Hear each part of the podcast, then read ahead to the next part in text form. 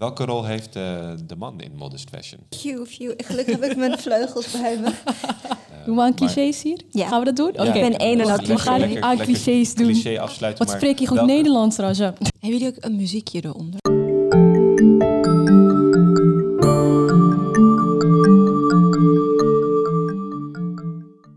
Welkom bij de podcast Supermoslims. Mijn naam is Kauthar, naast mij zit Halil. Wij zijn jullie host en met ons vandaag de gast is Raja. Raja, zou jij je heel even willen voorstellen alsjeblieft? Hallo, Kautar en Halil. Ik ben Rajal Mohendis. Ehm, ik ben 40 jaar oud. Ik woon in Rotterdam-West. Ik ben getogen in Amsterdam. Ik ben geboren in La Rijsh in Marokko. En ik heb ook mijn roots in Mascara in Algerije. En ik maak kunst en muziek en theater. En dat doe ik in Nederland en internationaal. Wauw. Ja. Ik wilde bijna zeggen van eh, dat alleen op zich al eh, kunnen we een uur mee vullen. Maar we gaan het over meer dan eh, alleen de dingen hebben die je natuurlijk hebt gedaan, maar vooral ook nu aan het doen bent. En misschien is dat een mooi brugje om, om gelijk even te maken naar onze podcast, waar onze titel van onze podcast. Eh, onze podcast heet Supermoslims. En eh, we hebben jou eh, natuurlijk vandaag uitgenodigd omdat we jou ook zien als een supermoslim. Eh, in onze supermoslim universe zijn er heel veel supermoslims, maar jij bent daar één van. Ehm, zou jij misschien ervan uitgaande dat je ook een beetje comics leest af en toe of eh, Marvel films kijkt? I don't know. Doe je dat toevallig? Of, eh, Toevallig wel. ja. Oké, nou kijk. ik ben dat- eigenlijk dat- ook een super nerd. dat, dat helpt, dat helpt. Als je jezelf ehm, superkracht zou kunnen beschrijven over jezelf, misschien is dat eh, lastig, maar welke superkrachten zou je jezelf toe-eigenen? Of willen misschien? En dan ben ik een soort van Avengers. Ja. Want die hebben allemaal hun krachten. Precies. En dan is mijn kracht is creatief licht. Oké, Ja. En want eh, er is heel veel donkerte in de maatschappij. ja. En er zijn heel veel mensen die dingen zwart-wit bekijken. En mensen in hokjes stoppen Ja. en definiëren. Dus dan kom ik zo...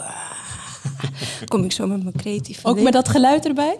Eh, nou ja, dat in combinatie met belletjes en harpjes. Oh ja. Dus ja. ik ben een soort van, ja, ik aan de ene kant stoer, maar aan de andere kant kom, is het heel zacht. Oké. En dan ehm, ja, ontwapen ik die mensen en dan is er ineens kleur en dan ontspannen ze ineens. En dan zijn ze wat aardiger voor hun buren Ja. en hun medemens. Dus ik denk dat dat mijn superkracht is. Eh, en nou, ja, als ik dan heel veel energie erin stop, dan, dan worden ze ook heel erg ja, een soort van lief voor elkaar. Oké. Wauw. En daar eindig je mee, lief voor elkaar zijn. Dat is natuurlijk, ehm, ik denk dat sommige luisteraars dan zouden denken, ja, dat is wel heel erg, zeg maar, zweverig. Maar eh, is dat niet ergens ook de kern van hetgeen wat in deze tijd ontbreekt? Dat we, dat we heel snel geneigd zijn een oordeel te hebben over elkaar, heel snel geneigd zijn inderdaad elkaar in een hokje te stoppen. Hoe zou je dat, en misschien hoe doe je dat al met jouw werk, maar hoe, hoe kunnen we dat als maatschappij doorbreken? Nou, ik, ik vind juist de andere kant heel zweverig. Op het moment dat je op basis van ehm, aannames en fantasieën, negatieve fantasieën over mensen die je niet kent, en ehm, buiten de maatschappij stelt en daar eh, oordelen nog eens overveld wat beleid wordt en vervolgens wetten, Ja, dan ben je op een hele negatieve manier zweverig, omdat het niks met de realiteit of met de grondwet te maken heeft. ja. Dus ik denk dat juist liefheid eh, heel erg komt vanuit dapper zijn. Ehm, en dan juist niet empathisch lui zijn, want je moet moeite doen om de Ja. ander te leren kennen. Je moet ook moeite doen en bescheiden zijn, omdat je niet gelijk hebt, want je weet niet wie je voor je hebt. En op het moment dat je dus lief moet zijn, omdat je vanuit bescheidenheid iemand wilt leren kennen, of je gewoon verhoudt tot je buren of door je, je collega's of, of mensen, dan doe je dus moeite. En dan kom je erachter dat je heel veel met elkaar gemeen hebt, ook dingen niet met elkaar gemeen hebt, met bepaalde dingen wel eens bent, andere dingen niet eens bent, maar dan ben je een beschaafd mens. ja. Dus ik vind juist die, die hele andere kant eh, heel zweverig, omdat het niet gebaseerd is op feiten, niet gebaseerd is op wetenschap en niet gebaseerd is op de grondwet. En wat betekent dat voor jou in je dagelijkse realiteit en werk? Want een van de dingen die je ook eens hebt gezegd, is dat je dagelijks bezig bent met het breken van muren, breaking walls every day. Hoe ziet dat eruit? Want het breken van muren, dat kan je niet alleen doen door zacht te zwaaien en te glimlachen. Nou ja, dus het, het breken van muren. Ehm, ik denk dat een zachte kracht, het is eh, een, een metafoor ervoor is water. Het is heel zacht, maar het is ook het meest destructief en het meest krachtige. Ja. Eh, en wat ik dus merk als kunstenaar, ben je constant bezig met onderzoeken, met researchen. Dat doe je journalistiek, dat doe je wetenschappelijk, dat doe je artistiek, historisch. En je legt verbanden. Nou, en als je dat dus jarenlang doet, ehm, en je doet dat niet alleen op één plek, maar op heel veel verschillende plekken, fysiek, maar ook eh, artistiek, dan kom je erachter dat waar je ook bent in de wereld, dat je dezelfde uh, mythes tegenkomt, dezelfde politieke uh, tendensen, dezelfde verlangens.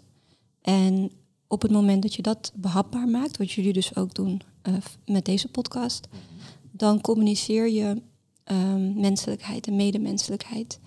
En um, die denkbeeldige muren, want ze zijn denkbeeldig, um, dat is wat jarenlang verkeerd beleid in stand houdt en oorlogen. Dus als we kijken bijvoorbeeld naar, nou, ik ben uh, een post-9-11 baby, zo noem ik mezelf, want ik ben heel bewust van hoe mijn leven was voor 9-11 en na 9-11. Ja. Voor 9-11 was ik wel migrantenkind, maar ik was gewoon Raja.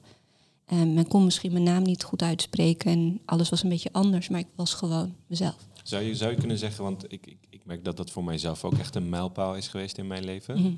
Zou je kunnen zeggen dat migrant zijn voor die tijd vooral bewijs van iets exotisch was, in de mhm. zin van spannend, of wat eet je dan thuis? En ik, ik, ik ervaar dat als kind vooral als ja, leuk of zo. Van oké, maar ik was niet echt anders voor mijn gevoel.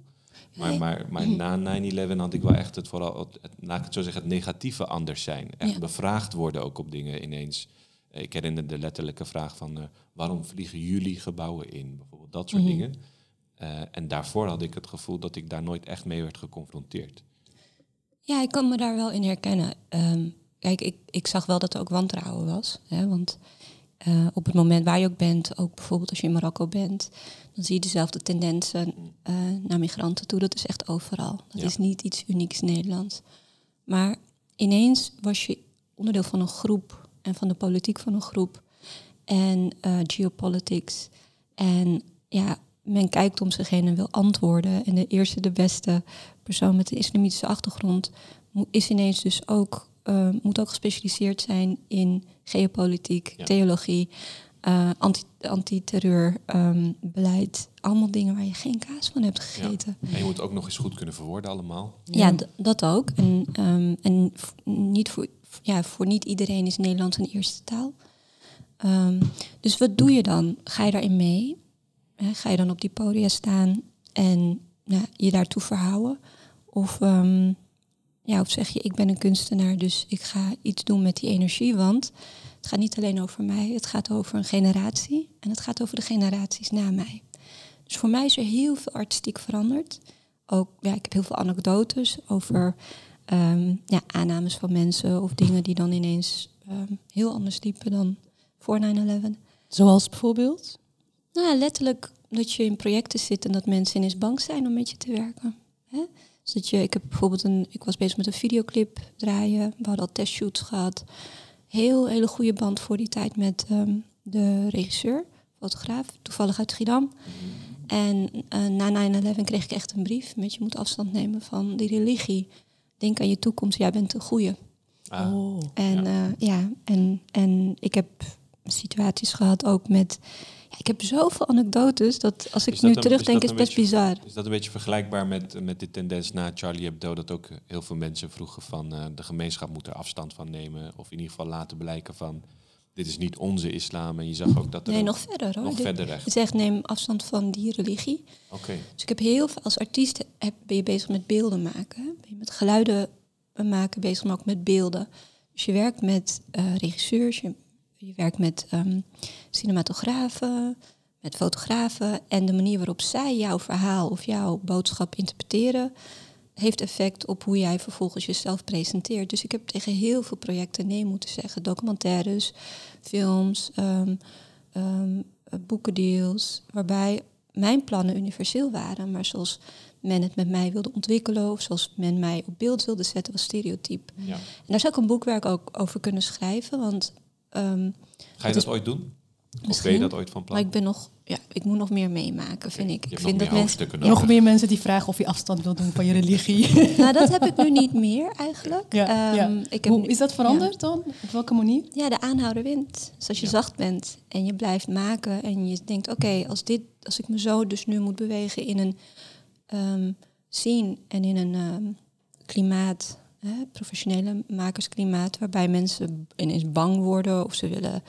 misbruik van maken of ze willen van jou een soort van tokenfiguur maken of ze willen je redden.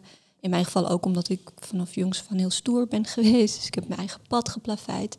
Alleen ik weiger een stereotype te zijn. Ik weiger op basis van exotische vooroordelen er te zijn. Ik wil gewoon mijn eigen ding doen. Ja. Dus ik heb heel erg geïnvesteerd in naar het buitenland gaan. Mensen vinden die me wel, ehm, ehm, hoe zeg je dat, serieus nemen op basis van wat ik kan.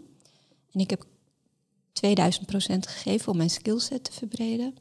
Omdat ik dacht, oké, als ik dit aan de lopende mand meemaak, dan moet ik zelf produceren. Dan moet ik zelf eh, een team samenstellen. Moet ik het zelf financieren of goede partners vinden om Ja. te co-financieren. Want als ik in een afhankelijke positie zit, dan weet ik niet hoe ik vervolgens op beeld word gezet. Ja. Dus ik heb een hele periode tegen heel veel kansen, grote kansen, ehm, nee gezegd Ja. aan de lopende band. En daar ben ik zo blij mee. Maar is dat ook, want ik vind dat wel een mooie, ehm, eh, tenminste voor mij schuilt daar een beetje ook een soort misschien mooi advies in. Of, of misschien wil je dat niet per se een advies noemen, maar wat ik in ieder geval vaak met name met de jongere generatie, ook naar mezelf reflecterend is, ehm, we zijn ook heel veel bezig soms met de plekken daar waar we geen kansen krijgen of bij wijze van kansen ontnomen worden of inderdaad je aan een stereotype moet voldoen.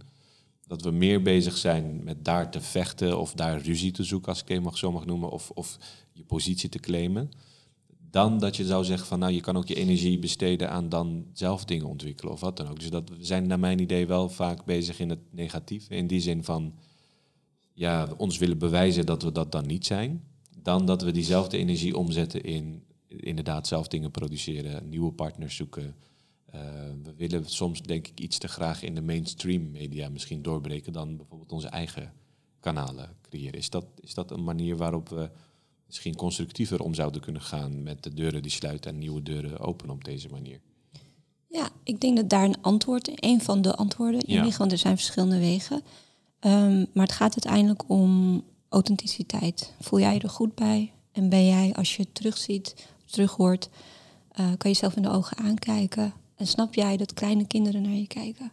Dat er heel veel jongeren zijn die al vanaf de CITO-toets en zelfs daarvoor weg worden gezet, terwijl het niks met hun intelligentie te maken heeft of potentie. Ja.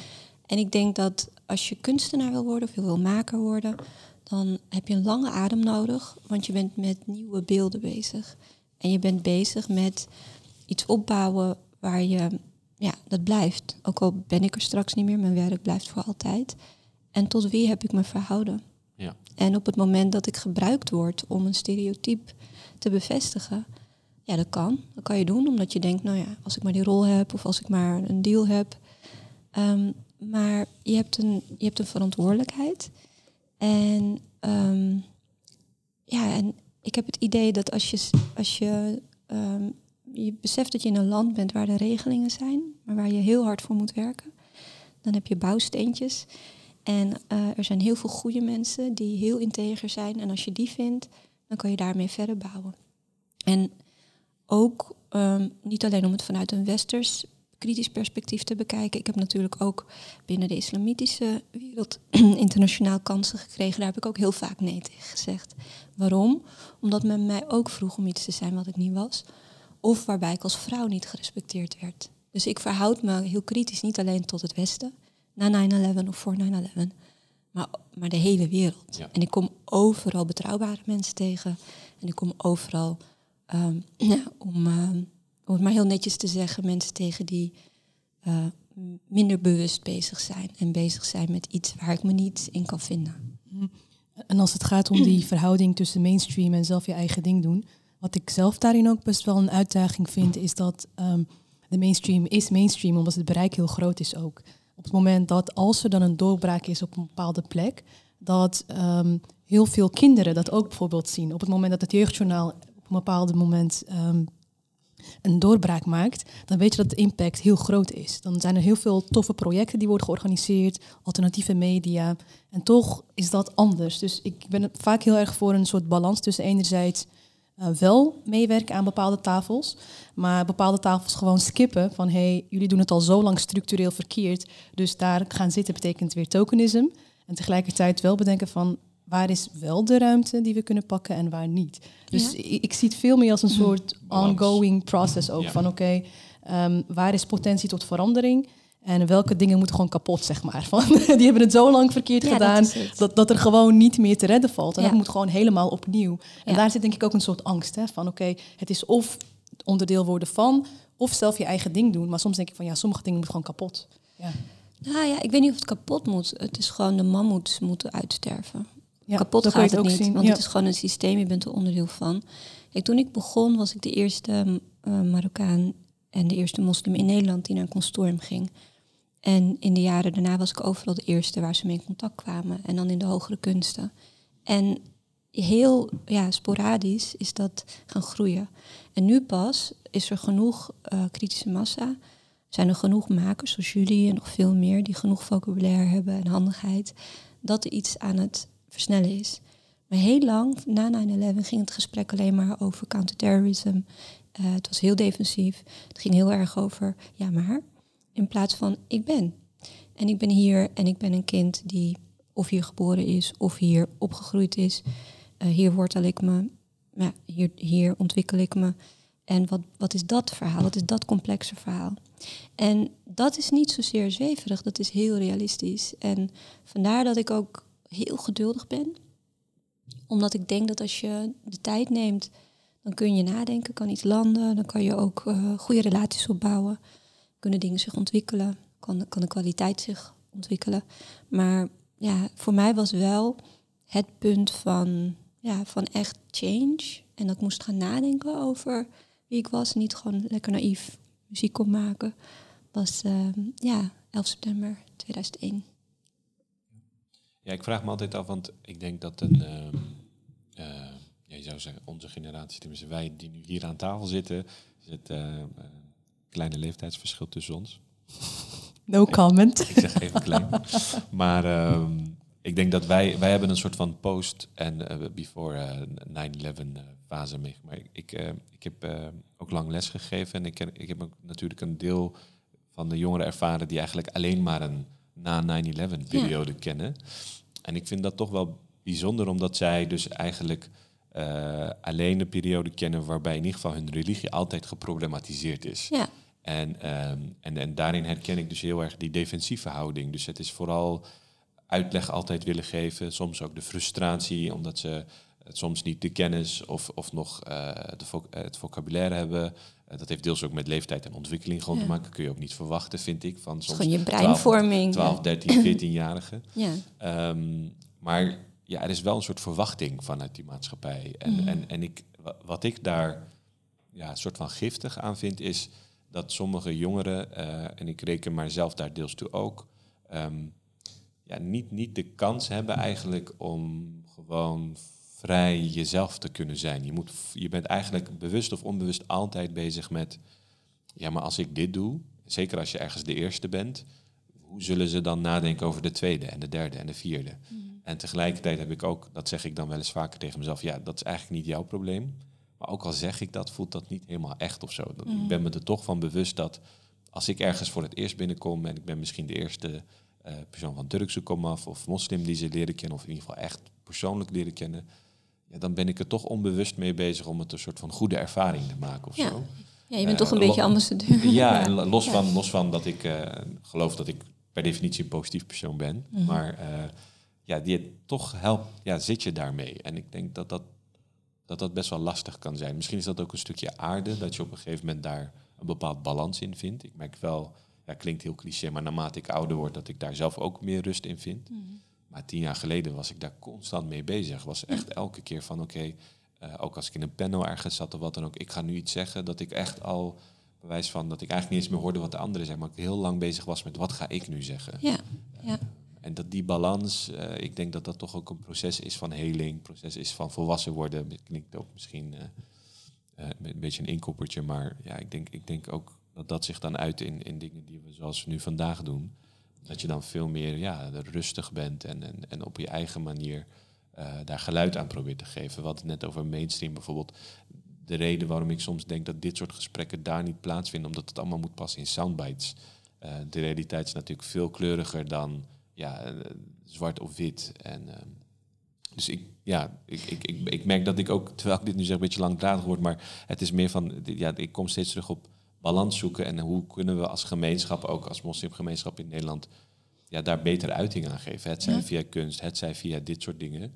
En erkennen dat die gemeenschap dus super intern heel verschillend ook is. Ja, hè? Ik dat, denk dat dat, dat misschien ook ons ja. huiswerk af en toe is. Van als we het hebben over de gemeenschap, Precies. waar hebben we het over? En dat jij dan misschien minder, of ik of jij, minder het gevoel hebben van ik spreek namens de gemeenschap of ik vertegenwoordig de gemeenschap. want dat is, want dat is, zo dat is er dan. Want enerzijds heb ik het idee dat we dat zelf in stand houden als gemeenschap, omdat we ook, uh, ja, enerzijds vanuit de islam altijd ook zeggen, we zijn één umma en Terwijl ik denk, ja, dat zijn we eigenlijk helemaal niet. We zijn ja, afhankelijk van hoe je het definieert, denk Precies. ik. Van wat betekent het om een gemeenschap te zijn ja. en daarbinnen dus wel de ruimte te houden voor verschil. En afhankelijk daarvan kun je daartoe verhouden. Ja, en ik denk alleen dat de gemiddelde kijker, luisteraar, die zeg maar weinig contact heeft met, met moslims, dus soms wel het idee heeft alsof het één groep is, één mainstream gedachte is. Terwijl ik denk van ja, als je daarop ja. inzoomt, zijn er duizend en één verschillen en duizend en één meningen en uitingen. En, uh, ja, maar ik, ja. Denk, ik denk ook, als je, als je kijkt, wie vertelt het verhaal over de moslim? Ja. Niet de moslim. Nee. Um, en als je dan kijkt, de Europese moslim of de Nederlandse moslim kun je niet vergelijken met de Amerikaanse moslim. En wie vertelt het verhaal over de, de internationale moslim, Hollywood en CNN en weet je, bepaalde mainstream media die toch heel erg een agenda hebben die minder positief is. Dus ik denk echt dat het, het is heel erg gekoppeld aan je migratiegeschiedenis en je socio-economische positie. Want eerst ben je bezig met overleven en hè, jezelf kunnen, kunnen voeden en, en, en veilig zijn. En pas op het, op het moment dat je als communities, dus migranten, gemeenschappen hè, in uh, meervoud, ja. veilig bent, dan is er pas ruimte voor een generatie om verhalen te gaan vertellen. En dan kom je erachter dat je misschien heel veel pijn hebt van binnen. Dan heb je kunstenaars en mediamakers nodig die dat kunnen optekenen, kunnen verbeelden. Waarom? Het is allemaal, migratie is heel traumatisch. Uh, het koloniale verleden is heel traumatisch. 9-11 was heel traumatisch. Alleen als je, als je niet de ruimte hebt gehad om dat te verwoorden, te verbeelden, en met elkaar van een afstand ook naar te kunnen kijken en het los te kunnen laten, dan blijf je in een soort van fight-and-flight mode. Psychologen hebben daar heel veel uh, over nagedacht en over te zeggen. En op het moment dat je dan heel weinig representatie hebt, hè, mensen die het goed kunnen, um, op een hele behapbare manier kunnen ontleden, sociologisch, filosofisch, theologisch, ja, dat, dat, daar zitten we nu middenin. En kijk, ik, ik heb op een gegeven moment uitgecheckt, want ik werd vrij uh, bedroefd van uh, televisie. Dus ik heb eigenlijk al sinds 9-11 bijna geen tv meer gekeken. Ik check het wel online en ik Weet je, ik, kijk dingen terug en ik ben heel erg geïnformeerd.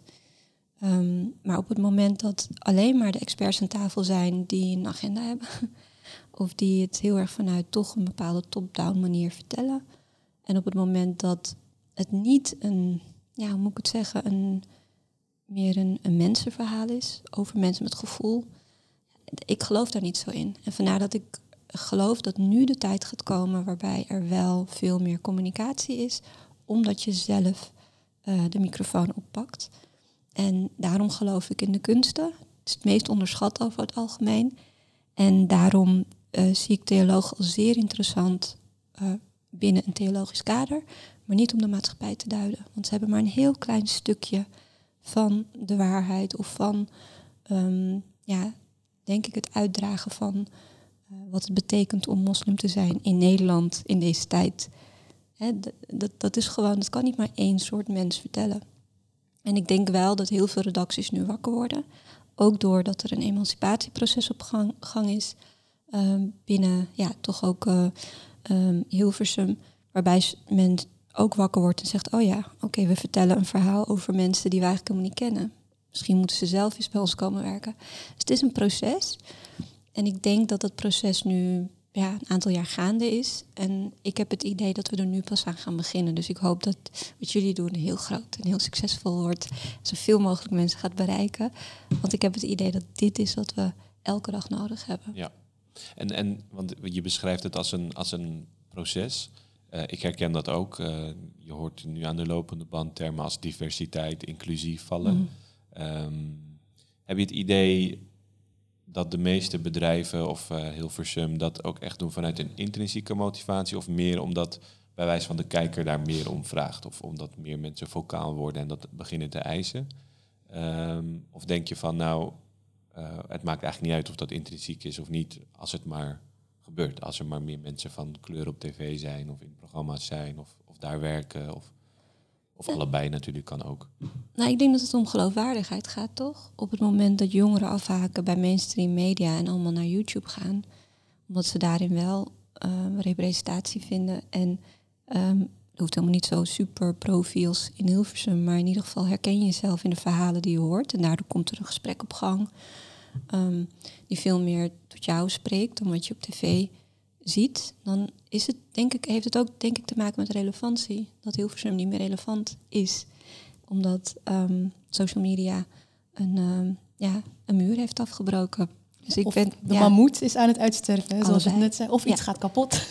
Ja, ja, maar dat kapot... Er wel gewoon heel veel ja, kapot, kapot maken. Ja, kapot. Nee, komt steeds terug. Ja, ja. Wat, wat denk ik wel weer interessant is inderdaad, van, uh, als het gaat om journalistiek en media, gaat ook heel erg om legitimiteit. Hè? Van, ja, relevantie. Okay, in hoeverre ja. is het nog relevant wat jij daar doet? En ja. steeds meer mensen zien dat dat um, soms niet helemaal goed gaat. Er worden ook wel goede dingen gedaan. En... Um, wat je ziet is, het heeft gewoon heel veel impact. Op het moment dat er wel een bepaalde persoon op tv komt, dat heel veel mensen zich daardoor heel erg gesterkt voelen en daarin ook weer um, hun eigen kracht vinden. Dus um, dat is wel mooi om te zien. Hey, als we het hebben over uh, representatie en aanwezigheid, um, we hebben het nu vooral gehad over media.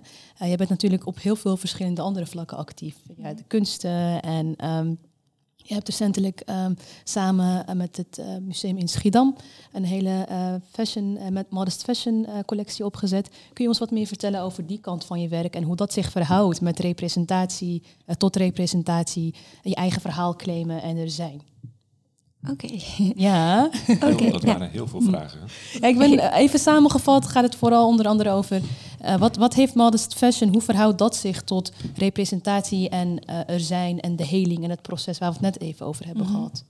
Nou, modest fashion, de tentoonstelling um, die ik in, ja, samen met een geweldig team van het Stedelijk Museum Schiedam en daarbuiten mogen ontwikkelen, is een uh, internationaal fenomeen in kunst en mode. Dus vanuit de lens mode en kunst, voornamelijk heel veel kunst uh, die niet um, in de instituten bekend is, maar voornamelijk online en, en social media, kijken we naar, uh, via die lens kijken we naar het uitdragen van identiteit. En dan vanuit meerstemmigheid. Dus niet vanuit één groep, maar vanuit meerdere groepen. Waarom? Er is een ja, multimiljarden-industrie. Uh, in tien jaar tijd heeft, dat, heeft zich dat ontwikkeld buiten de mainstream om en de mainstream haakt aan. Ja, precies. Dus wat je ziet is dat um, het is begonnen eigenlijk met, um, je zou niet denken, nou ja, uh, als je kijkt naar meer de, de vrouwen die zich meer modest kleden vanuit culturele overwegingen, religieuze overwegingen, dat is er al honderden jaren. Weet je, dat is niet iets nieuws. Maar als je kijkt naar de rode loper, waar vaak trends eerst gespot worden, waarbij het vervolgens door Milaan, New York, Parijs wordt opgepakt. En vervolgens verschijnt op de Rode Lopers de Fashion Weeks. Daar gebeurde iets in 2006. En dat waren Mary-Kate en Ashley Olsen, bekend van Full House, de tweeling. Die uh, in een tijd van plastic fantastic, botox, uh, um, fake everything... en eigenlijk de pornificatie van het vrouwelijk lichaam...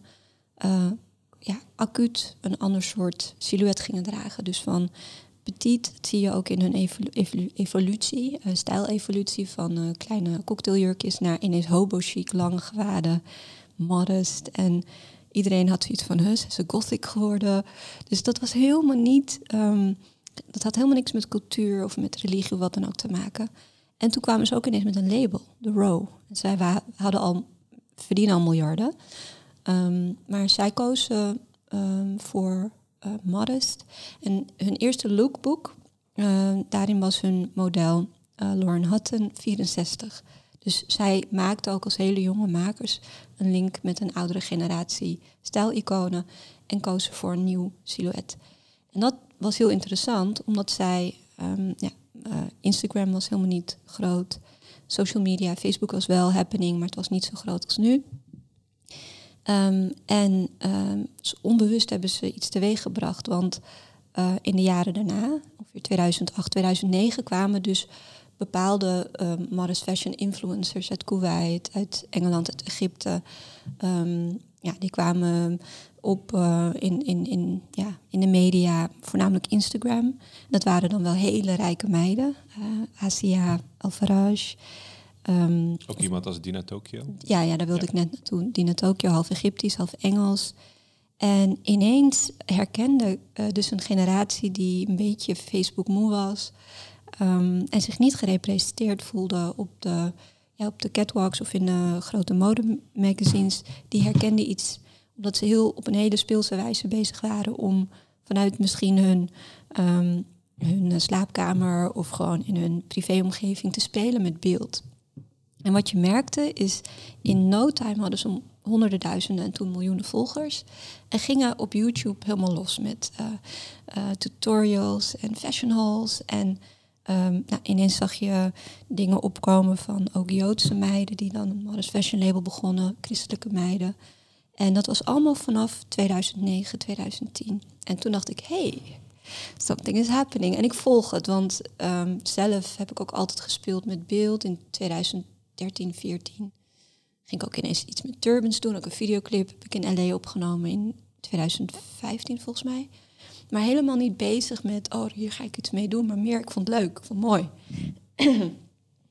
en um, wat er toen gebeurde, is dat het um, ineens 2012, 13, 14 kwamen er ineens um, uh, Ramadan collections van H&M, Zara, Donna Karan, Oscar ja, de la Renta. de grote merken begonnen echt aan te haken, dat viel mij ook op. Ja, maar het was echt underground. Niemand had het over modest fashion, behalve op Instagram, YouTube en Facebook. En ik volgde het omdat ik het gewoon heel inspirerend vond. Maar ik vond het wel heel erg...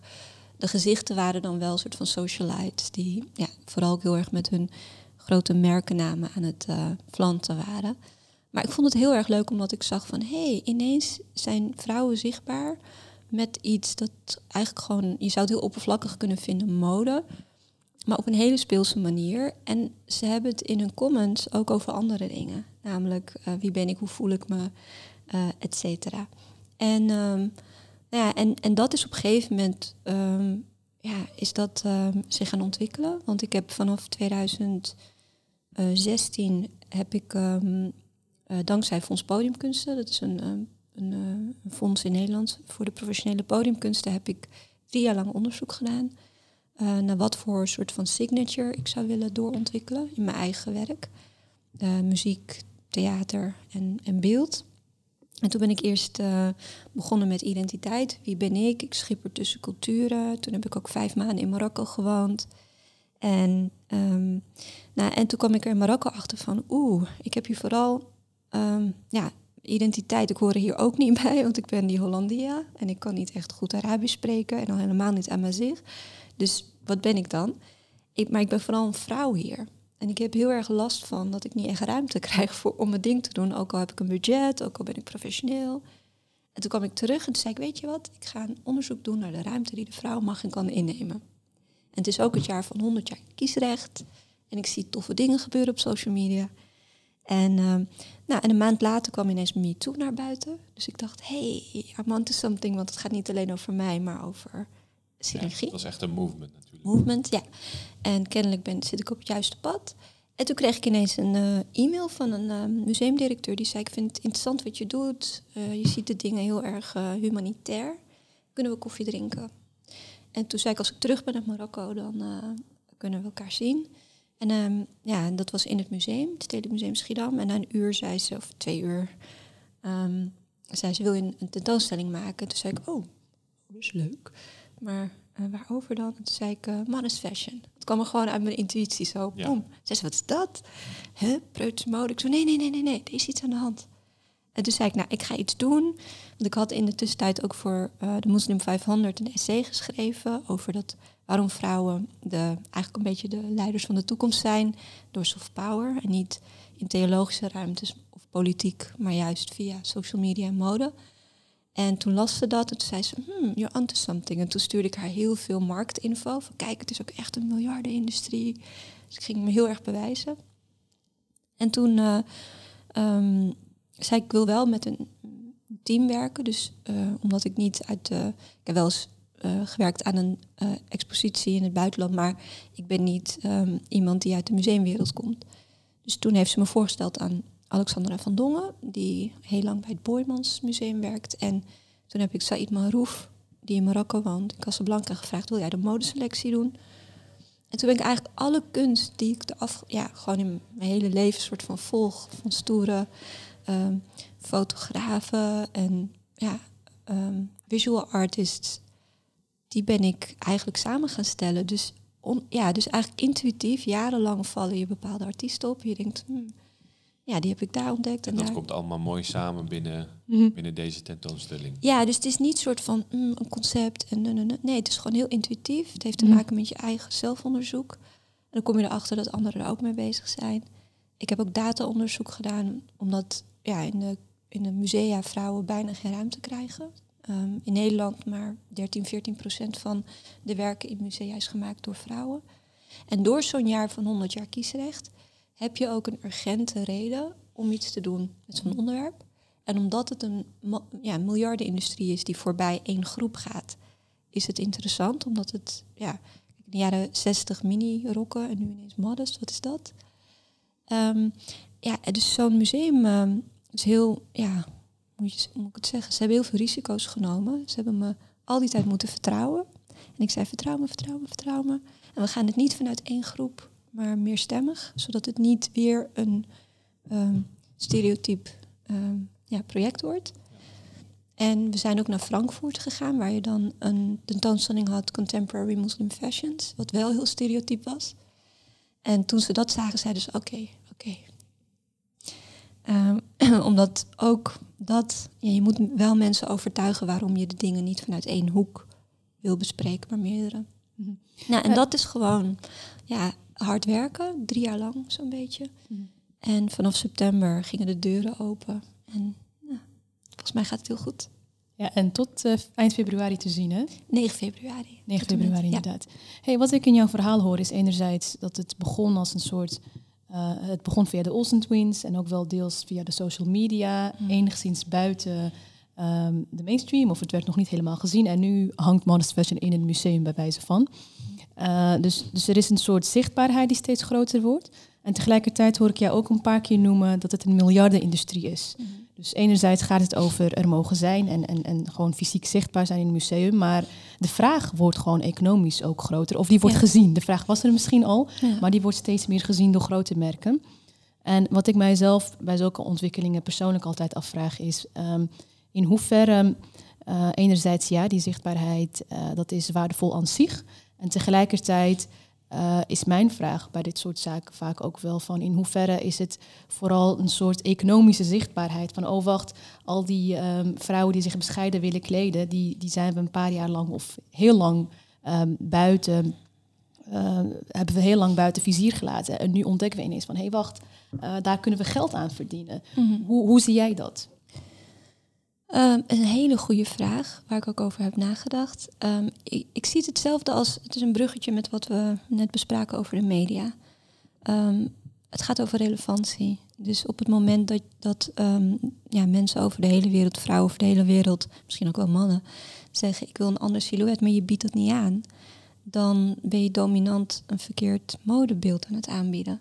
En op het moment dat vrouwen en masse, ongeacht cultuur of religie, want dat is wel wat modest fashion belichaamt, zeggen ik wil een ander silhouet. Ik wil me veiliger voelen. Ik wil niet alleen deze keuze hebben, maar ik wil en en. de een wil mini nog steeds en de ander wil maxi of misschien wil de een allebei. Het heeft te maken met dat er aanbod is voor iedereen. Dus wat je ook kiest, mini of maxi, of iets ertussenin, als het maar één jouw keuze is, dus niet opgelegd is, en twee, Uh, het gaat om de democratisering van aanbod. En of het nou de media is, of het nou een museum is, of de mode-industrie, dat is overal gaande. Dus emancipatieprocessen beginnen misschien politiek, beginnen misschien door hele heftige situaties in de wereld, zoals uh, 9-11, uh, waardoor um, groepen heel erg besproken zijn. Um, het begint misschien met een trend.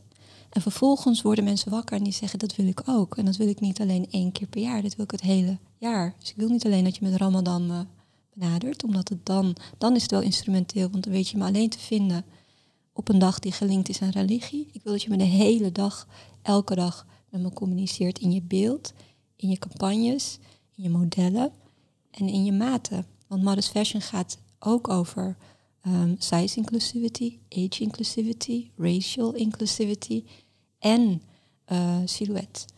En dat maakt het zo'n interessant fenomeen, omdat um, ja, de mode-industrie is gewoon heel erg lang een silhouet geweest uh, van vrouwen die niet eens realistisch waren. Hè, vrouwen die er bijna als jongetjes uit moesten zien, zich moesten uithongeren.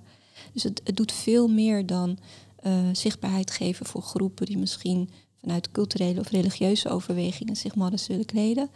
Het, het raakt ook al die andere sensitiviteiten aan. Um, en dan denk ik, als je het vanuit niet nobele reden doet, maar je doet het, ik koop je product. Waarom? Als het maar een goed product is, als het ook dus maar um, een product is wat niet fast fashion is, want dat, daar gaat modest fashion ook over. Heb je bewust uh, geproduceerd of uh, buit je mensen uit in de productie? Nou, bijvoorbeeld een, een Nike Pro hijab, is dat dan fast fashion of is dat toch ook wel iets positiefs wat? Ik ben daar wel wat kritischer ja. over, want uh, bij Nike die maken het dan weer ontoegankelijk vanwege hun prijspunt. Het is veel te duur. En de, de vrouwen die het al deden vanuit um, ja, een noodzaak, en een noodzaak waarbij je ook dapper bent, omdat het politiek in bepaalde landen verboden is, die raken hun business misschien kwijt omdat Nike veel sexier is als merk. Dus het is per. Ik denk dat uh, er dan een, een, nu dan een, een, gesprek kan ontstaan omdat modest fashion ineens in het vizier, hè, in de mainstream, um, besproken wordt. Uh, dan kan je het gaan hebben over de voorwaarden. En ik heb het idee dat het is een trend. Trends komen en gaan. En ik heb het idee dat modest fashion gaat normaliseren. Niet dat je het religieus normaliseert of het religieuze, maar puur dat je rekening houdt met iedereen. En dat in collecties of op de runaway er voor iedereen aanbod is. En niet alleen um, ja, hetgeen wat we hiervoor zagen. Wat zelfs voor mainstream modellen maatje 34, 36 niet gezond is voor een zelfbeeld. Ik heb veel modellenvriendinnen uh, in mijn studietijd gehad. Dat waren de meest lieve, maar ook meest onzekere meiden. Terwijl ze de perfecte maten hadden en bloedmooi waren. Maar is, hey, is, uh, ik wil hier graag op aansluiten. ja, op het onzekere. Mag, uh, ja. mag ik hierop aansluiten? Ja, dit het onzekere ja, aspect. Ja, ja. ja, want het gaat ook heel erg over in hoeverre er niet weer een nieuw schoonheidsideaal gecreëerd wordt. Want uh, als het gaat om het soort modellen wat wordt gekozen voor grote campagnes. Ik las ooit in een artikel, het was een beetje cynisch, maar ook wel grappig van ja de modellen die worden gevraagd door die merken, die hebben altijd hun highlighter on fleek. Ja. Van, het werd een beetje gezegd van, het is toch ook wel weer uh, een soort vrouwen, uh, dat ging dan vooral over moslimvrouwen die worden gevraagd, ja. uh, waarin bijvoorbeeld ook nog steeds zwarte vrouwen ondervertegenwoordigd zijn, ja. waarin nog steeds vrouwen met een grotere maat ondervertegenwoordigd zijn. Dus in hoeverre is het niet een soort inkapseling van het schoonheidsideaal en dat je dus daarin de moslimvrouw meeneemt, die dan een beetje anders is, maar nog steeds wel een mooie oogopslag heeft bij wijze van en, en daarbij nog steeds niet echt inclusief bent. En hoe verhouden we ons als moslims daartoe? Want is dat ja. iets dan waar je een soort applaus voor geeft? Want ik gun het dat specifieke model van oké, okay, ja. uh, jij gaat op je eigen manier om met deze mode en het is een manier van expressie. Maar tegelijkertijd denk ik van, wat is dan de verantwoordelijkheid die we met z'n allen dragen om ja. niet weer een nieuw schoonheidsideaal te propageren waar die jonge meiden weer onzeker van worden, die op Instagram heel veel volgen? Ja. Ik, ook een hele goede vraag. Ik denk, kijk, je hebt iemand nodig die die deur openramt. Hè? Dus iets stuk maakt, zoals jij zegt. En vervolgens kun je... Ik kan het heel leuk stuk ja, maken. Ja, die deur stuk maakt. En hij moet heel veel podcasts met mij opnemen, hè? Ja, ja, Arme ja. guy. We gaan wat dingen kapot maken. Ja. En vervolgens kun je, kun je verbreden. Dus je kunt applaudisseren voor al die initiatieven. En vervolgens zeg je, maar, maar als we het hebben over, zeg, misschien uh, spirituele waarden, maar klopt het wel? Doen wij... Um, is het wel bewust? Is, um, is, is het wel volgens een bepaalde ethiek. En dat is wel wat ik heel tof vind bijvoorbeeld aan Modest Fashion Weeks. Wat ontstaan is omdat ja, de, Fashion Weeks over het algemeen toch ehm, ja, uitsluiten. Hè, hetgeen wat je net zei. Ehm, maar je ziet dus ook in ja, een paar jaar tijd heb je ineens Modest Fashion Weeks. In eh, Istanbul, Jakarta, Dubai, Londen, laatst in Amsterdam. We hebben met ze samengewerkt. En de gesprekken daar in de panels, die zijn heel interessant. Want dat gaat precies over wat je zegt. Is het wel ethisch verantwoord? Klopt de representatie? Ehm, klopt het qua duurzaamheid? We applaudisseren wel voor veel grote merken, maar zij nemen met hun bijvoorbeeld contact op en willen dan heel veel marktinformatie. Maar echt over de brug komen om samen te werken met Modest Fashion Week. Best wel een groot merk Adidas. Die wilde met hun samenwerken. Geef ons info. Een paar dagen voor Modest Fashion Week trek, trekken ze zich terug. Zeggen ze ja, maar jullie, jullie zijn toch iets te religieus. En, um, en dat vind ik heel interessant dat op het moment dat je dus samen bouwt vanuit communities en je zegt dan creëren we ook een plek um, die tof is, waarbij we ook um, uh, ruimte geven voor makers, voor labels en voor gesprek, dat je dus nieuwe gesprekken kunt voeren die misschien niet bij de normale Fashion Week mogelijk zijn. Je noemde iets wat ik voor mijn gevoel ook naar meerdere aspecten kan vertalen hoor. Wat ik, wat ik dus heel problematisch vind is. Uh, je zegt dus op het moment dat zij althans vinden dat het te religieus is, trekken ze zich terug. Terwijl uh, als je dat vertaalt naar de maatschappij, zegt een groot deel van de maatschappij, als we het hebben over bij wijze van in dit geval de islam normaliseren of, of mhm. religie aan zich normaliseren, lijkt, het, lijkt de tendens alsof men zegt um, dat kan alleen als je in het zeg maar, maatschappelijk midden, of hoe je het noemen wilt, vooral je religie niet toont of daar afstand van neemt. Of in ieder geval doet alsof het niet bestaat. Terwijl denk ik de religieuze persoon bij wijze van verlangt van ik wil juist dat mijn religie plaats kan vinden in dat midden op een manier die voor mij normaal is, maar dat ook de samenleving dat accepteert. En, en ik merk dus inderdaad, uh, dat gebeurt dus ook in Hilversum, maar dat gebeurt blijkbaar ook tot op bepaalde hoogte in de mode. Op het moment dat je zegt, ik wil meedoen, want dat is wat ze eigenlijk willen, hè, steeds van, nou, de moslimgemeenschap in dit geval moet vaker meedoen of moet meer zichtbaar zijn. Maar als je vervolgens zegt, maar ik wil dat doen op mijn voorwaarden, op mijn manier, dan haken heel veel partijen af. Terwijl dat soort van ironisch is, want de vraag is, doe mee en laat jezelf meer zien. En op het moment dat je dat doet, ja, dan moet je toch door een bepaald hoepel springen. En, en het lastige misschien, om, het, om de discussie wat dieper, is vanuit de gemeenschap is de frustratie soms doordat anderen dat wel doen mhm. vanuit de gemeenschap, krijgen die dan podium en dan is het lastiger om daar dan door te breken op jouw voorwaarden, ja. bij wijze van. Ja. Dus, dus is dat dan vooral een lange adem hebben en toch blijven doorzetten? Of, of, of ook de kritische discussie uh, misschien onderling? Ja. ja. En zonder af te doen, en dat vind ik dus soms ook een ingewikkelde, zonder af te doen aan de persoonlijke en individuele keuzes die worden gemaakt door mensen die wel meedoen of die wel um, een bepaalde samenwerking aangaan. Want ik heb zoiets van, uh, ik zie dat als een individuele keuze die wordt gemaakt, maar ik ben soms zoekende naar het maatschappelijke gesprek daarover. Van oké, wat betekent het voor ons, even tussen haakjes, op het moment dat uh, bepaalde keuzes worden gemaakt? En hoe zorgen we ervoor dat we echt inclusief worden? Nou, ik, ik denk dat dat echt met zo'n emancipatieproces te maken heeft. Dat je gewoon heel lang werd je buitenspel gezet als het ging om het verhaal vertellen over of de representatie van in mediaruimtes, in artistieke ruimtes of in dit geval uh, fashion mekka's. En op het moment dat je zegt, oké, we hebben inmiddels, ik wil niet vloeken in, uh, in Arminius of in de, in de moskee. Als je zegt, we hebben al genoeg moskeeën gebouwd. Laten we nu festivals bouwen en fashion weeks en plekken waar we juist die complexe gesprekken kunnen voeren over wat het betekent om in deze tijd er te zijn. Dan creëer je dus ook draagvlak daarvoor. En heel lang waren, dat heeft denk ik ook echt met settelen te maken, waren, was de generatie voor ons bezig gewoon met een thuis hebben, met een plek hebben, een plek om te kunnen bidden, een community center. Ook veiligstellen misschien. Ik ja. dat, want je, je beschrijft iets heel specifieks, moskee. Ik heb ja. die discussie ook vaker gehad over ja, waarom moeten er ja, althans, er zijn hele specifieke plekken waarbij je misschien inderdaad kunt stellen, er is geen. Maar vaak is de discussie ook, hij moet groter, het moet mooier. Dan denk ik, ja, investeer dat dan in andere dingen die nu crucialer zijn. Creëer een festival over dit soort dingen. Of investeer in je jeugd. Of, of, of denk daar meer over na. En, en, en inderdaad, dat zijn wel de dingen die, die nu, denk ik, wat meer ontbreken. Of waar in ieder geval de visie ontbreekt. En, en wat meer in de klassieke dingen zoeken, dus in gebouwen of in bakstenen noem ik Terwijl het. klassiek gezien die gebouwen vroeger juist heel sociaal waren. Hè? Dat waren de plekken waar mensen samenkwamen. En vaak was daar ook de markt. Ja. Dus Ja, het hele concept van, zeg Terwijl maar... nu, eh, omdat als we daar kritisch over zijn, ik heb juist het idee dat dat nu de plaatsen zijn ehm, die vaak niet etnisch overstijgend zijn, waarbij je Ja. ook niet onderling met elkaar eh, in contact, eh, contact kan komen. Ehm, en, en dan denk ik, ja, dan, dan mist het in principe zijn, zijn doel. Of, of waar het in ieder geval, wat mij betreft, oorspronkelijk voor bedoeld is. Het verbindende binnen een wijk, binnen een stad. Ja, het Eh, heeft een, een, een en dat mist ja. nu heel erg. Ja, het heeft een, heeft een één doel en dat is meer dat stukje van je leven, maar niet hetgene wat te maken heeft met je, ja, met deze complexere Ja, vragen. ik- misschien om, om dit stukje dan zo af te... Ik, ik zie het een beetje als een soort eh, fastfood islam. Het is heel Mhm. erg, zeg maar, je gaat... In dit geval, je bidt je, en je gaat eh, weer weg. Mhm. Er is verder geen ja, diepere spiritualiteit, vaak. Ik, Mhm. Er zijn uitzonderingen, er zijn moskeeën die ook heel veel goed werk eh, verrichten. Maar vaak is het wel in die zin een soort fastfood concept van... komen, consumeren, in dit geval dan een soort spiritueel consumeren en weer gaan. Mhm. Maar verder geen enkele eh, ja, toereiking naar de wijk, naar andere bewoners, naar andere denkenden, naar andere gelovigen. En, en, en dat heeft natuurlijk ook met allerlei obstructies te maken, soms taal of wat dan ook.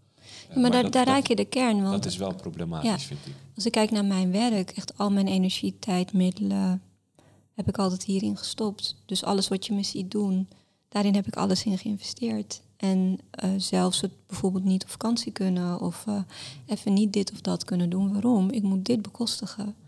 En dat is het wel, en dat is misschien mijn kritische kanttekening, denk ik ook naar gemeenschappen die zich uitgesloten voelen of ehm, ja, gebullied voelen. Geef een antwoord, maar doe dat wel op een, op een plek waarbij men, men wil luisteren, waarbij het laagdrempelig is. En ik denk in landen van herkomst, hè, ehm, dat vond ik ook zo leuk aan Modest Fashion Weeks. Dat zijn meiden uit Jakarta en Istanbul.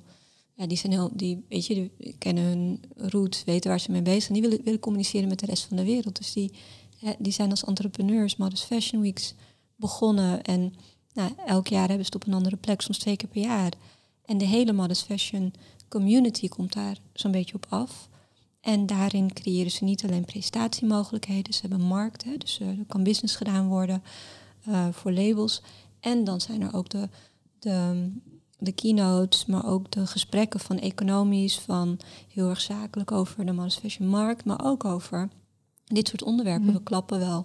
En we zijn een applauding community als we een merk zien die wel aan representatie doet, maar ze kiezen alleen een bepaald soort model of hè, ze halen business weg bij de community waar ze het idee hebben opgedaan. En dat, ik denk dat we daar zijn gekomen en dat is ook mijn oproep, dat ehm, juist in Nederland deze community eh, elkaar gaat opzoeken. En, eh, en, en in Nederland hebben we gewoon mogelijkheden om toffe dingen te organiseren en plekken en in gesprek te gaan met elkaar. En eh, vertrouwen op te bouwen. Het gaat uiteindelijk over vertrouwen. En het gesprek aan te gaan met de mensen die het minst eens met je zijn ook. Dus dat is ook wel bijvoorbeeld om een brug naar Modest Fashion. eh, de tentoonstelling. Dat was de hele opzet. Dat door middel van kunst en mode. Ehm, ja, mode, iedereen kan daarover meepraten. Of je nou wel of niet ergens in gelooft. Mode is gewoon laagdrempelig. Kunst is vaak minder ehm, toegankelijk. Eh, dus die combi is uitnodigend om de plek in te gaan, het museum. En dan hebben we van een samenwerking met een groot modeblad, een podcastserie met VPRO, ehm, allemaal events. Om juist ook de plek museum meer vertrouwen te geven. En te zeggen, dit is ook je plek als je iets wil komen doen in het museum. Wacht niet op mij.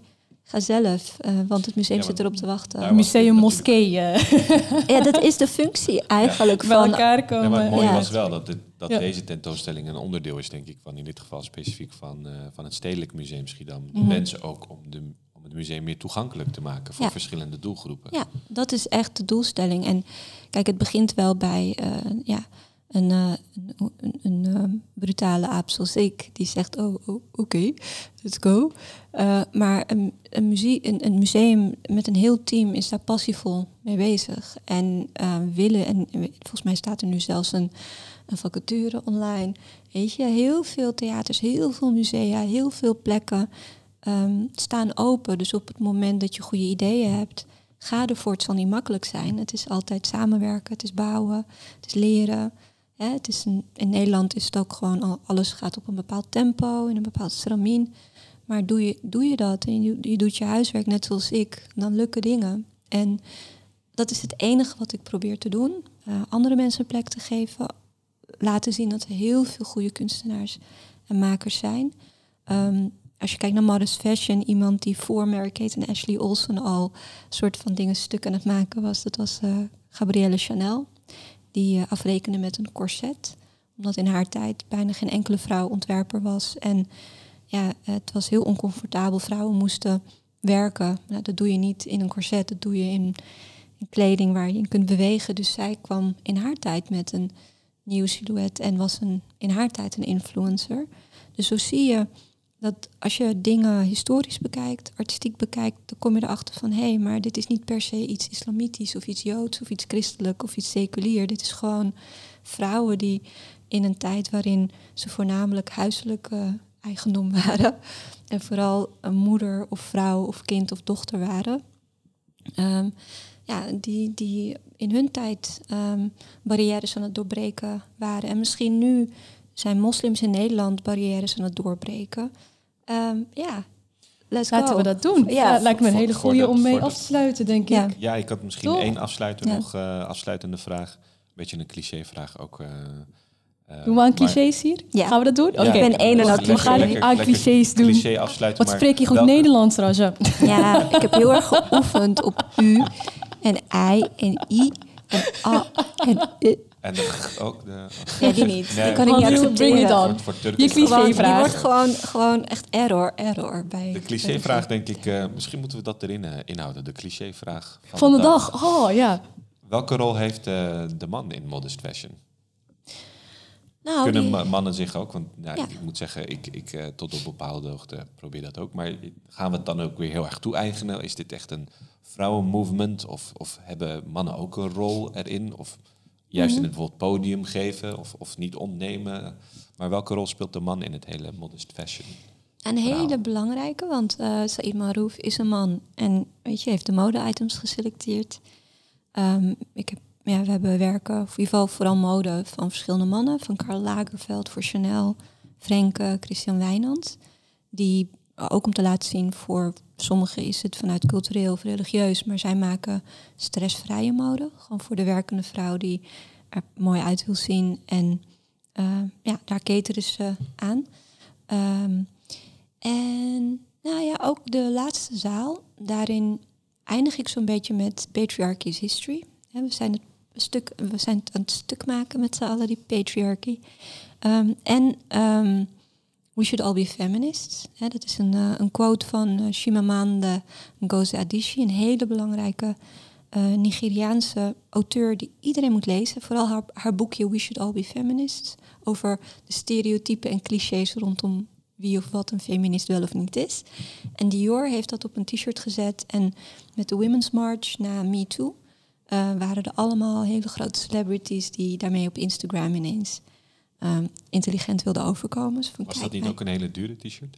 Ja, hij was Ja, heel duur. precies. Dat is weer dat probleem waar we het net over En hebben we gehad. hebben een echte. Oké. Eh, ja, daar ben ik dan weer, weer een soort van. Maar hij schijnt qua kwaliteit, als je een paar keer was, hoorde ik van iemand niet. echt- Gemaakt in een sweatshop, over ethisch gesproken. Maar ik ga die het vraag niet. hier niet poneren vandaag. Ik hoop maar- het niet. Ik hoop het. Ik heb daar dan bij Dior niet naar. Ik was gewoon verlekkerd. Van, ik, ik, we should all be feminist. Anyway, ehm, eh, dan komen we bij, uiteindelijk bij een filmpje van Emma Watson. Iedereen kent haar als Hermione van Harry Potter. En inmiddels is ze een jonge, sprankelende vrouw met 54 miljoen volgers. En een van de meest ja, gewaardeerde jonge actrices. Ehm, iemand die doorstudeert en iemand die eh, ambassadeur nu is van de VN voor de beweging He for She. En eh, als je in die laatste zaal komt, dan gaat het erover van oké, als we het hebben over we should all be feminists, patriarchy is history, maar hoe dan?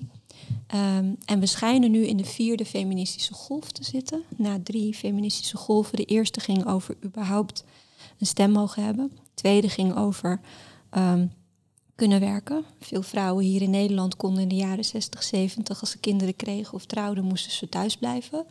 Of moesten, als ze iets wilden kopen, een handtekening van hun man hebben. Dat is Nederland, hè? Dus dat ging heel erg over basisrechten. Derde feministische golf ging over inclusie. Ehm, feminisme moet niet alleen voor de witte westerse vrouw zijn, maar voor iedereen. En de vierde, vierde feministische golf, daar zitten we nu in, gaat over vrouwen en mannen samen. Dus willen we een mooiere toekomst hebben voor meisjes en jongens, dan moeten we ze leren ehm, om samen te werken. Om niet te denken in gendernormatieve um, rollen. Uh, omdat jongens ook in een bepaalde mal worden gegoten en vaak niet bij hun emotie mogen en vaak toch ook weer op het moment dat ze wat zachtaardiger zijn, heel erg gepest worden. Dus uh, wat is vrouwelijkheid binnen mannen? Hè, wat is mannelijkheid binnen vrouwen? Daar zitten we nu in, in een fluiditeit. En willen we dus um, dat we afrekenen met die stereotypen en excessen, dan is het tijd dat ook feminisme niet wordt gezien als mannen haten of uh, mannen uh, weg, maar een manier vinden om elkaars uh, allies te zijn. Samen te werken, want je hebt elkaar nodig. Je hebt een balans nodig, hè, waar we ook mee begonnen. Yin-yang, man-vrouw, samen. En ik denk dat dat heel hoopvol is, want dat is wel uh, wat je overal nu ziet. Je zag het in Iran, waarbij mannen een hijab gingen dragen om dan te protesteren namens vrouwen.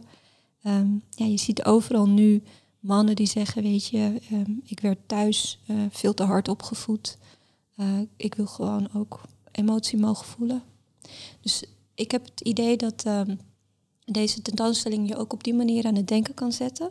Hoe ga je ook met jongetjes om? Uh, hoe kunnen die een man worden die compleet is en die niet ook in een ja, keurslijf worden gezet of het idee hebben dat ze vijand zijn van vrouw. Want dat is wel wat er de afgelopen decennia gebeurd is. Dat mannen zaten in een mannenrol, vrouwen in een vrouwenrol. Je bent een mens, je bent een ziel, je hebt elkaar iets te bieden. en, um, ja, en op die manier en verder hoop ik dat deze tentoonstelling zal leiden tot veel meer andere initiatieven. Uh, heeft, ja, iedereen die dit hoort en denkt, oh, ik heb een idee. Ja, bel het Stedelijk Museum uh, uh, Schiedam op of stuur ze een e-mail of ga langs. Ze zijn heel benaderbaar. En kom met je idee. Want um, ik kan het wel doen, maar. Ja, je ja. kan letterlijk bij de directeur op, de, de, op het raam kloppen. Natuurlijk, ja, aan de straatkant. Ja, ja, ja, en met haar thee drinken, zoals ik ook begonnen ben. En als je het maar goed onderbouwt, hè, haar overtuigt met, um, ja, met veel uh, dingen die, die behapbaar zijn. En dan zie je als je samenwerkt, hè, want dat is het, het is met elkaar samenwerken, dan lukken dingen. En als ik kijk naar mezelf, um, alles wat ik doe is op basis van vertrouwen, is op basis van keihard werken en geduld. Dus verwacht ook niet dat je dingen binnen een paar maanden geregeld hebt. Soms duurt het drie jaar. ja, dus dat, is, dat zijn mijn adviezen. En verder, um, mensen kunnen mij ook online vinden. Dus mochten er mensen zijn die, die vragen hebben of die denken, hé, hey, wat jij doet wil ik ook. Dan ben ik altijd bereid om tips te geven, want dat vind ik hartstikke leuk. Dat is goed om te weten. Goed. Nou, Raja, heb je nog een andere clichévraag? Nee, dat was mijn dat was de enige. helemaal goed. Ja, het was eigenlijk een hele goede vraag. Ja. Nou, helemaal niet goed. Geen cliché. Cliché zou zijn. Het voelde cliché om hem als man misschien te vragen. Maar... Ja, nou, weet je, uh, ik denk het niet. Want nee. uh, op het moment dat je een tentoonstelling maakt, modest fashion, uh, vrouwen die ruimte innemen, dan ja, kan ik me voorstellen dat je denkt, hè, doen we het verkeerd. Ja. Terwijl ik heb het idee dat we het met z'n allen verkeerd doen omdat we ook gewoon, ja, hoe moet ik het zeggen? Als we dan een, een um, tentoonstelling maken wat, vrouwen centraal stelt. Heel veel mensen hadden de verwachting dat je ook alleen maar, alleen maar werken ziet van vrouwen, waarbij het anti-man is en mannen dit, mannen dat. Nee, dat is het niet. Ik ben ook het systeem. Um, op het moment dat je, je je moeder je ook in een bepaalde rol opvoedt, als meisje of jongen, dan is dat ook de, de, de vrouw in jouw leven die je misschien in een, uh, in een social construct houdt. Dus ik heb het idee dat dat niet de clichévraag is. Wat zou een perfecte clichévraag zijn bij mij? Um, ja, spreek, wat spreek je goed Nederlands? Nou, die heb ik afgetikt. Ja, hoe heb je dat geleerd? en uh, verder, ja, ik ben open boek, je mag me alles vragen. Nou, dat gaan mensen misschien ook echt doen. Dat ga je opzoeken. Um, ik hoop en denk dat dit gesprek in ieder geval wel nieuwe handvatten biedt. Uh, hopelijk stof tot nadenken en misschien zelfs um, ja, manieren om zelf verder te gaan. Dus ja. uh, super bedankt daarvoor. Het was ja. ontzettend interessant. Van media tot aan mode en hoe die twee eigenlijk ook gewoon met elkaar te maken hebben. En uh, hoe we elkaar daarin weer nodig hebben. Ja. Dus het kwam allemaal aan bod. Super bedankt. Halil, heb jij nog iets? Nee, ik heb, ik heb mijn vragen gesteld. En uh, ik wil uh, ja, eigenlijk uh, onderstrepen wat jij zojuist hebt gezegd. Ik vond het super interessant. Dank ook Dank je voor je komst. Ja, en ook als ik jullie kan supporten, weet je. Ik eh, heel graag. Support is altijd welkom. Ja, ja, Ja. vraag en ik help heel graag mee, want dit is het antwoord, denk ik, op, op, ja, op alles wat je me stelt, is wat jullie aan het doen zijn. Oh, kijk. Kijk, dat gaan traantjes wegvinken buiten beeld. Dankjewel, Raja. mij. Zo traantjes weg. Kijk, dat dan hoor je iets. eh, Oh ja, heel veel traantjes. Van geluk, hè? wel van geluk. wel van geluk. Van Absoluut. geluk. Absoluut. Helemaal goed. Nou, dat was hem dan voor deze aflevering. Dankjewel. Bedankt voor iedereen die heeft meegeluisterd. Misschien stukjes heeft meegekeken. En eh, graag tot de volgende met de volgende Super Moslim. Doeg! Bedankt voor het luisteren. Super Moslims is een podcast van Wij Blijven Hier. Deze aflevering is mede mogelijk gemaakt door Stichting Democratie en Media, het Stedelijk Museum Schiedam, Arminius Congres en Debatcentrum en voor het beeld Totally Love Photography.